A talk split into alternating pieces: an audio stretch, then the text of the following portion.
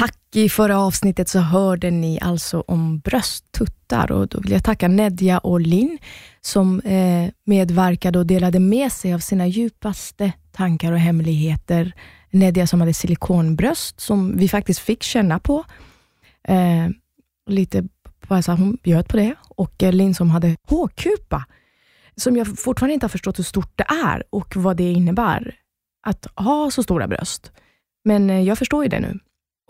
Jag kan säga att det som har varit roligast är alla feedbacks och kommentarer. Och Det är ju det som har varit lite meningen med podden, att vi ska ha ett samtal med varandra, fast ni sitter liksom i olika ställen i Sverige. Att, att här kan vi samtala om våra bröst, om alla våra skönhetsideal och den mentala utmattningen att vara kvinna.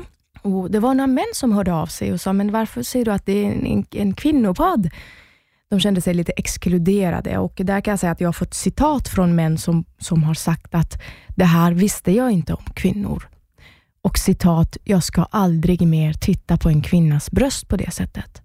Och jag tänker, Bahar Pars, har du faktiskt varit med och ändrat ett beteende?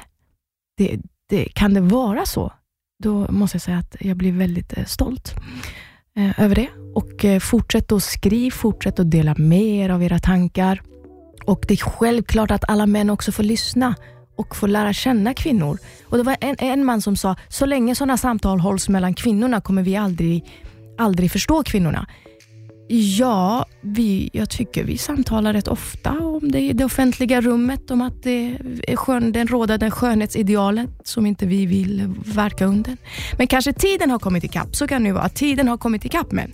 Men män får jättegärna lyssna på podden, självklart, och dela och tänka och eh, allting. Det här är inte ett exkluderande rum, men, men den kom upp genom att jag ville prata med kvinnor om kvinnor. För att jag själv är kvinna och har tänkt på sådana saker och vara en stark feminist och fortfarande leva i den här världen som kräver sitt av en kvinna. Eh, tack så jättemycket. Nästa vecka då ska vi ta itu med mitt absoluta favoritämne. Kan man vara en stark kvinna och vilja trycka in botox och fillers. Och Det öppnar ju liksom en klinik i, i varje gathörn. Ändå så är det så skamligt. Vi pratar liksom inte om botox och fillers. Och vi skammar varandra, vi skammar den som har gjort det och vi skammar den som inte har gjort det. Och Det ska bli jävligt spännande. Och Till min hjälp så har jag faktiskt tre kvinnor. En 72-årig kvinna, en 25-årig och en som eh, har aldrig gjort någonting och gör liksom skönhets, på andra sidan gör liksom skönhetsgrejer. Och jag kommer också lägga upp en liten videoklipp där jag kommer visa olika, de här som ni kommer få se.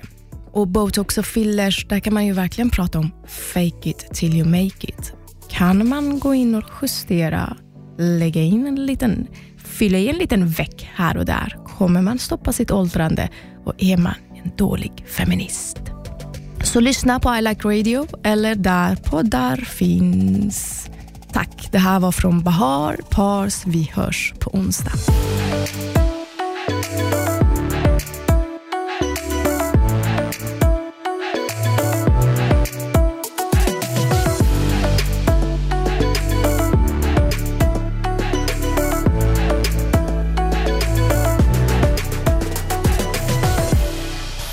Produceras av I Like Radio. I like radio.